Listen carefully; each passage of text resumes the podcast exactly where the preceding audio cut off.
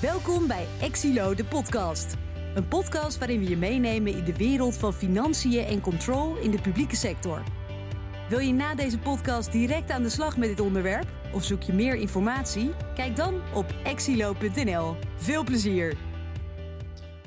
Beste luisteraars, welkom. Welkom bij Exilo in Control, onze serie over de interne beheersing en interne controle bij publieke organisaties. Onze vorige aflevering ging over de verbijzondere interne controle en hun toegevoegde waarde. Ben je benieuwd naar onze conclusies? Luister hem dan graag terug. Deze aflevering gaat over de rijkwijde, of ook genoemd scoping, van de interne beheersing, interne controle. Vandaag aan, bij mij aan tafel Ricardo en Rogier en ikzelf ben Erik. En uh, ja, wil je natuurlijk geen podcast van ons missen? Abonneer je dan op onze podcast in jouw favoriete podcastmedium. Vandaag hebben we het over de rijkwijde en scoping. Ricardo, kun jij mij helpen wat dat is? Zeker, zeker. Um, ja, de rijkwijd of de scoping. Zullen we het uh, de rest van de podcast, uh, nou, hebben jullie voorkeur hoe we het gaan noemen? Laten we gewoon Nederlands houden, rijkwijd. De rijkwijd. Oké, okay. gaan we het over Super. de rijkwijd hebben. Nee, de rijkwijd is eigenlijk uh, ja, wat in het woord zit. De rijkwijde waarop je je bijzondere interne controle gaat uitvoeren. Dus dan moet je erover nadenken, nou, welke processen ga ik bekijken? Uh, misschien ook wel naar welke balansposten, welke stromen in de jaarrekening. Dus uh, kijk je naar het inkoopproces, het salarisproces. Uh, dus dat is eigenlijk de rijkwijde. Ja, dus echt gericht op waar je naar gaat kijken, zeg maar. Ja. Wat je gaat controleren. Ja, dat is eigenlijk een beetje de basis, hè. Van nou, waar, waar wil ik naar kijken? Ik bedoel, je wilt straks, nou ja, dat gaan we in een van de volgende series natuurlijk wel over hebben. Maar je wilt natuurlijk naar een soort eindoordeel werken. Ja ja, dan helpt het wel dat je weet waarover je een eindoordeel moet vellen. Maar je, je verklaart toch straks, hè, bijvoorbeeld bij de rechtmatigheidsverantwoording, dat je rechtmatig hebt gehandeld over de hele jaarrekening. Toch over alles? Ja, nee, dat klopt ook. Dat doe je zeker. Maar dat doe je natuurlijk met een bepaalde grenzen, de verantwoordingsgrens die je vaststelt. En eigenlijk is die rijkwijde bedoeld dat je dus met voldoende zekerheid over het totaal uh, de rechtmatigheidsverantwoording kunt afgeven. Dat betekent dus ook dat je niet alles integraal hoeft te controleren. Maar dat je ook kunt zeggen, nou, sommige processen zijn in omvang zo klein en er zit zo'n klein risico in. Daar ga ik dan uh, niet naar kijken. En de grotere processen, waar wel een grotere bevinding uit zou kunnen komen die in de rechtmatigheidsverantwoording landt, die ga ik wel uh, bekijken. Maar dat ja. is misschien ook wel gelijk een onderscheid. Hè? Dus je hebt de, de kwalitatieve scoping en de kwantitatieve scoping. Uh, misschien is het ook wel goed om daar even bij stil te staan. Wat daar het verschil in is. zal ik de kwalitatieve kant toelichten? Kan een van jullie daarna de kwantitatieve kant uh, even toelichten? Ik zie jullie instemmend knikken. Ja, super. Goed idee. Heel goed. plan. Ja. Nou, als je kijkt naar het bepalen van de rijkwijde, eigenlijk vanuit de kwalitatieve kant is dat vooral vanuit de risicogedachte. Dus je kijkt eigenlijk niet zozeer naar de omvang van een post, maar vooral naar het risicoprofiel. Van hoe groot is nou het risico dat hier uh, een fout uit kan komen. En zelfs als je het hebt over, ik noem maar wat, opbrengsten. En dat hoeft maar een kleine opbrengstpost te zijn. Dan kan het nog steeds zijn dat daar een groot risico in zit dat die opbrengsten helemaal niet volledig zijn of niet volledig worden verantwoord. En dan kun je nog steeds bepalen van ja, ik kan nu wel mijn ogen sluiten alsof er niks aan de hand is. Maar als ik weet dat het risico heel groot is dat er hier een fout in zit of een onduidelijkheid in zit, dan uh, ga ik hem toch betrekken in mijn uh, verbijzonderde interne controle. Dat is eigenlijk wat we bedoelen met de kwalitatieve kant van bepalen van de rijkwijde. Nou ja, dan heb je de kwantitatieve kant. Um, Rogier, jij noemde het net al, bijvoorbeeld de verantwoordingsgrens. Uh, maar nou, de materialiteit is natuurlijk waar je de accountants vaak over hoort praten. Um, ja, de kwantitatieve kant is dus uh, eigenlijk die gaat over de omvang, hè, dus de euro's. En om te bepalen of dat ze groot genoeg zijn, moet je eigenlijk een, ja, een, een grens definiëren. Nou, dat noemen we inderdaad de materialiteit. Um, nou, zonder het helemaal van A tot Z uit te leggen, zie je, en dat is denk ik ook wel herkenbaar voor velen in de praktijk, dat, uh, dat 1% van de, de lasten vermeerdert met uh, de reservemutaties, of in ieder geval de toevoeging aan de reservemutaties, dat dat eh, de omvangsbasis is, zoals ze dat noemen. Nou, daar neem je 1% van en dan doe je dan nog een bepaalde afslag. Nou, het gaat misschien voor nu te ver om die hele afslag uit te leggen, maar daar komt eh, wel een bepaald bedrag uit. En dat bedrag is eigenlijk de basis, op basis waarvan je dan weer kijkt, uh, wat is de, uh, de kwantitatieve overweging om een post, uh, nou ja, op je rijkwijde als zijnde, ja, ik noem het dan toch maar even in scope te definiëren. Dus even een voorbeeld. Hè. Stel even dat je, uh, je afslag is een miljoen. En je hebt een, uh, een stroom, het inkoopproces, dat is 2 miljoen. Nou, dan is die, uh, dan is die heb je nou een post van, nou zeg 800.000 euro, dan zou die op basis van je kwantitatieve overweging dus niet in scope zijn. Maar goed. En welke getallen gebruik je dan? Gebruik je dan de begroting? Of? Nou ja, je begint natuurlijk vaak denk ik wel met een begroting. Hè. Soms zie je ook nog wel eens dat klanten de keuze maken eh, om eh, een stapje terug te gaan naar voorgaand jaar. Hè. Dus de jaarrekening van voorgaand jaar. Maar eigenlijk, nou, persoonlijk vind ik wel dat je zou moeten kijken met de begroting. Want daarin eh, nou neem je in ieder geval het uitgangspunt van dit gaan we komend jaar doen. Ja. Eh, maar de begroting is natuurlijk niet hetgene waarmee je eindigt. Het is eigenlijk de Nee. eerste keer. Hè. Dus de start, eigenlijk de planning. Nou, daarna kan je naar hè, je kadernota, of je, je kadernota, je bestuursrapportages betrek je erin en welke ontwikkelingen heb je. En je eindigt natuurlijk met de jaarrekening, want dat is ook waar je je rechtmatigheidsverantwoording over gaat afgeven. En die verantwoordingsgrens hè, waar je het over heeft, de bedragen, ja, daar heeft nu met de regelmatigheidsverantwoording krijgt de raad daarin een belangrijke rol hè, om die vast te stellen.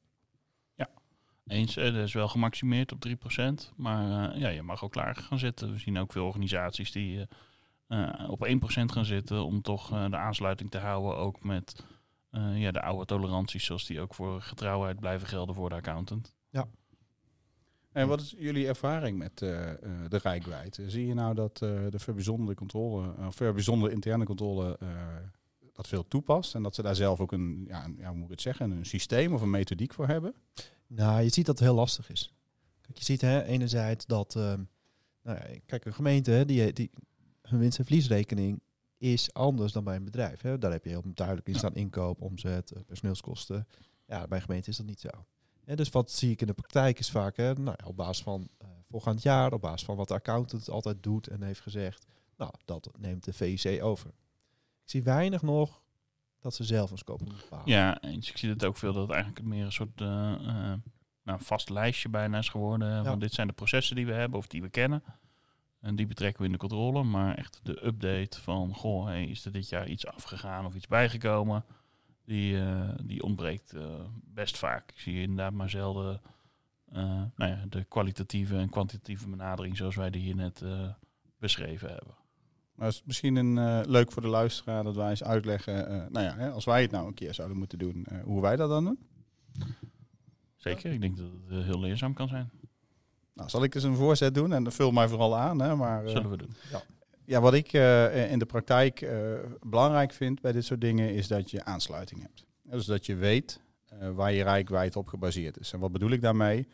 Eh, nou, pak even de jaarrekening. Als je dan op basis van de jaarrekening een scoping, of ik moet zeggen de rijkwijd eh, ehm, gaat definiëren, ja, begin dan ook bij wijze van spreken met de onderligger voor de jaarrekening. Dus gewoon de financiële administratie. Ehm, hè, want dan kan je, als je straks die rijkwijd op orde hebt, kan je ook zeggen, nou, het proces inkopen is x miljoen. En dat zijn deze posten in de financiële administratie en dus ook in de jaarrekening. Nou, en wat je, eh, eh, dus dat kan bij wijze van spreken zijn dat je begint met een dump van de administratie. En dat je ze gaat nadenken over hoe ga ik nou die transacties die in de administratie staan, eh, hoe ga ik die toerekenen? Dus aan welke processen ga ik die toerekenen? En hoe doe je dat dan bij de begroting, Ricardo? Nou, want jij zei net van, joh, je moet starten met een begroting. Ja, nee, zeker. Nou, bij de begroting, eh, wat ik in de praktijk dan doe, is eigenlijk de IV3. Eh, dus eh, eh, dat is eigenlijk het, nou, het, het algemene stuk of het voorgeschreven stuk richting het CBS. Eh, waarin de gemeente, eh, of in ieder geval even in dit voorbeeld, de gemeente eh, haar begroting eh, rapporteert op basis van een voorgeschreven structuur. En de IV3, eh, nou, die gebruik ik dan om bepaalde combinaties, dus bepaalde FCL-ECL-combinaties, te koppelen aan nou, bijvoorbeeld het inkoopproces of het salarisproces. Ja, dus dat is dan ook iets wat je eenmalig hoeft te doen. Hè? Want als je dat dan hebt ingericht, dan zou je daarna gewoon de IV3 opnieuw erin kunnen knippen en plakken. En dan heb je nog steeds dezelfde koppelingen naar de processen. Tenzij je uiteraard de IV3 wijzigt. Ja. Gebeurt zo af en toe, maar gelukkig niet eh, elk jaar. Nee, en het voordeel daarvan is, eh, eh, voor de jaarrekening moet je de IV3 toch wel aanleveren. Nou, de, de stap die je daar dan aan toevoegt, is dat je zorgt dat de IV3 ook sluit op je financiële administratie. En ja, de meeste gemeenten waar ik kom, eh, doen ze dat toch al. Ja. Dus dan heb je die stap genomen. En dan kan je gewoon op basis daarvan door. Ja, en het fijne daarin is, dan ga je straks je werk doen. Nou, dan heb je straks conclusies. Hè. Je hebt misschien wel fouten geconstateerd. Eh, ja, dan kan je die ook koppelen aan eh, het deel van de jaarrekening waarop eh, je de werkzaamheden hebt gedaan. Ja, plus dat je dus niet alleen weet welke processen je in die controle betrekt, maar je weet ook zeker dat je alle processen eh, betrekt. Want je redeneert namelijk vanuit de administratie, waar alle batenlasten en balansmutaties in zitten. En dan, hè, dus als je de, de proces in beeld hebt, dan ga je eigenlijk, eigenlijk strepen, toch? Dan ga je eigenlijk beginnen met de, de kwalitatieve en de kwantitatieve benadering om te bepalen van hey, welke stromen zijn nou eigenlijk eh, relevant voor mijn controle en welke kan ik daar eh, mogelijk buiten laten. En dus dan pak je weer eh, die tolerantiegrenzen, daar doe je een afslag op. En die afslag, Ricardo zei het al, gaat te ver om dat helemaal nu te definiëren. Maar denk aan aspecten als het feit dat je nadenkt over hoe de interne beheersing is opgezet. Dat je nadenkt over, heb ik in voorgaande jaren heel veel fouten gehad? Ehm, en nadenkt over, van zitten er nou heel veel wijzigingen in dat soort processen? Eh, dat je dat betrekt in een soort afslag, want je gaat geen integrale controle doen. Hè? Dus je gaat aan de voorkant nadenken van ja, ik kan niet mijn hele tolerantie gebruiken om eh, die rijkwijde te bepalen. Eh, en dan komt daar een getal uit rollen. Meestal tussen de 50 en de 75 procent eh, van de vastgestelde grens, eh, de verantwoordingsgrens of de materialiteit. En die gebruik je dan voor het kwantitatieve deel. Ja. En nou, ons advies is, doe ook eerst eigenlijk de kwantitatieve kant en kijk daarna of je op basis van kwalitatieve criteria nog bepaalde stromen zou willen toevoegen. En want ehm, ja, als iets kwantitatief betrokken moet worden in de controle, dan kun je niet op basis van kwalitatieve criteria dat nog een keer eh, een bepaalde stromen eruit gaan eh, strepen. Nee, dat is een hele goede natuurlijk. Hè? Want daarbij is ook nou ja, misschien wel van belang om ook even de aansluiting met je accountant te leggen. Ja. Hè? Mhm. Zou ik zeker doen. Ja, en niet alleen met je accountant, maar ook gewoon met eh, de mensen bij wijze van spreken van het proces. Of de mensen die straks bij de jaarrekening een Ja. rol in hebben. Want wat ik nog wel eens zie is dat we dan een hele mooie eh rijkwijd hebben opgesteld. Hele mooie mappingen erin hebben zitten. En dan nou, ben je helemaal klaar. Dan ga je de jaarrekening opstellen. En dan heb je iemand die bijvoorbeeld eh, van de salaris is. En die zegt, ja maar wacht even. Die eh, combinatie die herken ik helemaal niet. Nee, of Ja. die zegt van, joh, hey, jij hebt daar 100 miljoen staan aan salaris. eh, ik heb maar een salarisbudget van eh, 99 miljoen. Dat je denkt, hé, hey, dan zit er dus ergens een miljoen die, eh, die ik blijkbaar in die, eh, in die koppeling verkeerd heb Ja. gelegd. Maar als we er toch doorheen kijken, zijn het toch vaak dezelfde processen. Vaak wel. Hè, zijn we bij de scoping die we hebben uitgevoerd wel eens verrassingen naar voren gekomen? Hebben jullie dat meegemaakt? Eh, nou, verrassing is een groot woord. Wat je wel ziet is bij, eh, bij sommige organisaties dat bepaalde processen net een beetje rond die grens Ja. schommelen. En dan het ene jaar net eronder zijn, het andere jaar net erboven. En ja, dat zijn eigenlijk de processen om een beetje in de gaten te houden. Of als er iets nieuws komt, hè, denk aan een TOZO of eh, ehm, nou, eh, misschien straks omgevingswet. eh, als dat soort nieuwe dingen komen met een mogelijk financiële impact. Ehm, ja, denk dan na over eh, wat dat voor impact heeft op je rijkwijde. Ja, en het is, als de andere kant op, het is ook wel de kunst om gewoon te zeggen, ja, hij is niet in scope.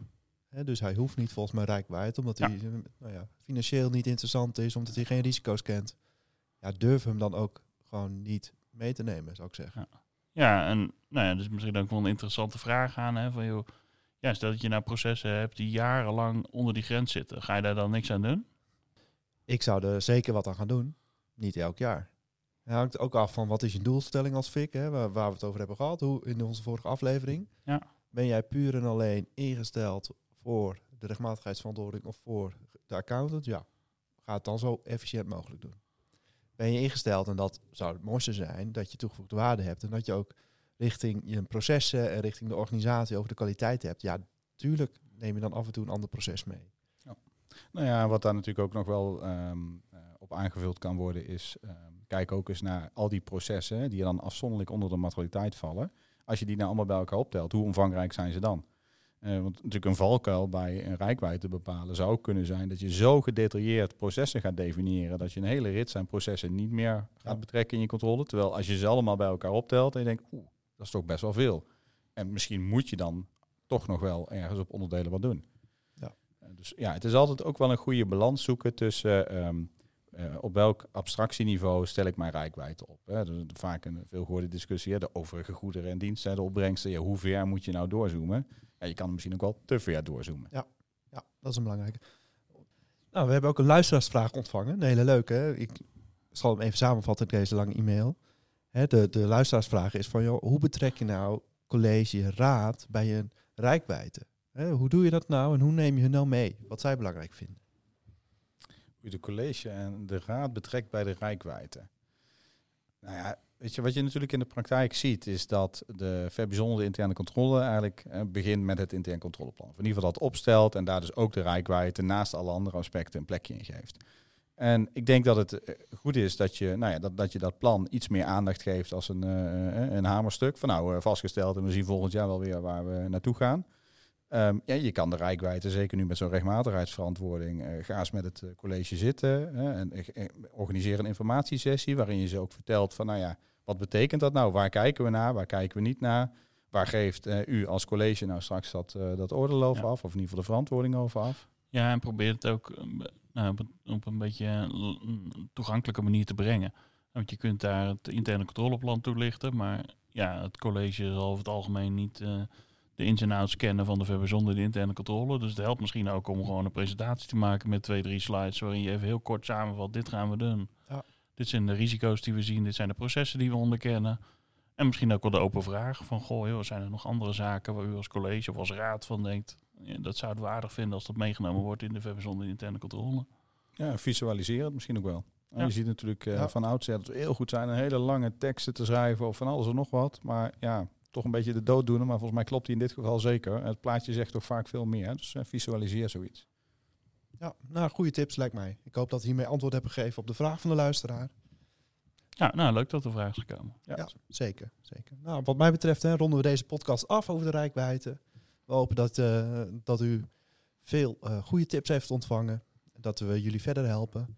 Onze volgende podcast in deze serie Exlo in Control gaat over de risicoanalyse. Hoe doe je dat? Hoe stel je hem op? Wat is van belang? Mocht je vragen alvast hebben daarover, mail ze naar podcast.exlo.nl. Eh bedankt voor jullie aandacht en tot de volgende keer. Ja, en vergeet zeker niet te abonneren. Mocht je, Altijd belangrijk. Ja, mocht je toch hè, willen dat we nog een signaaltje krijgen als de volgende podcast er staat, eh, nou abonneer je en dan eh, zien we je, of, dan zien we, we horen je graag terug.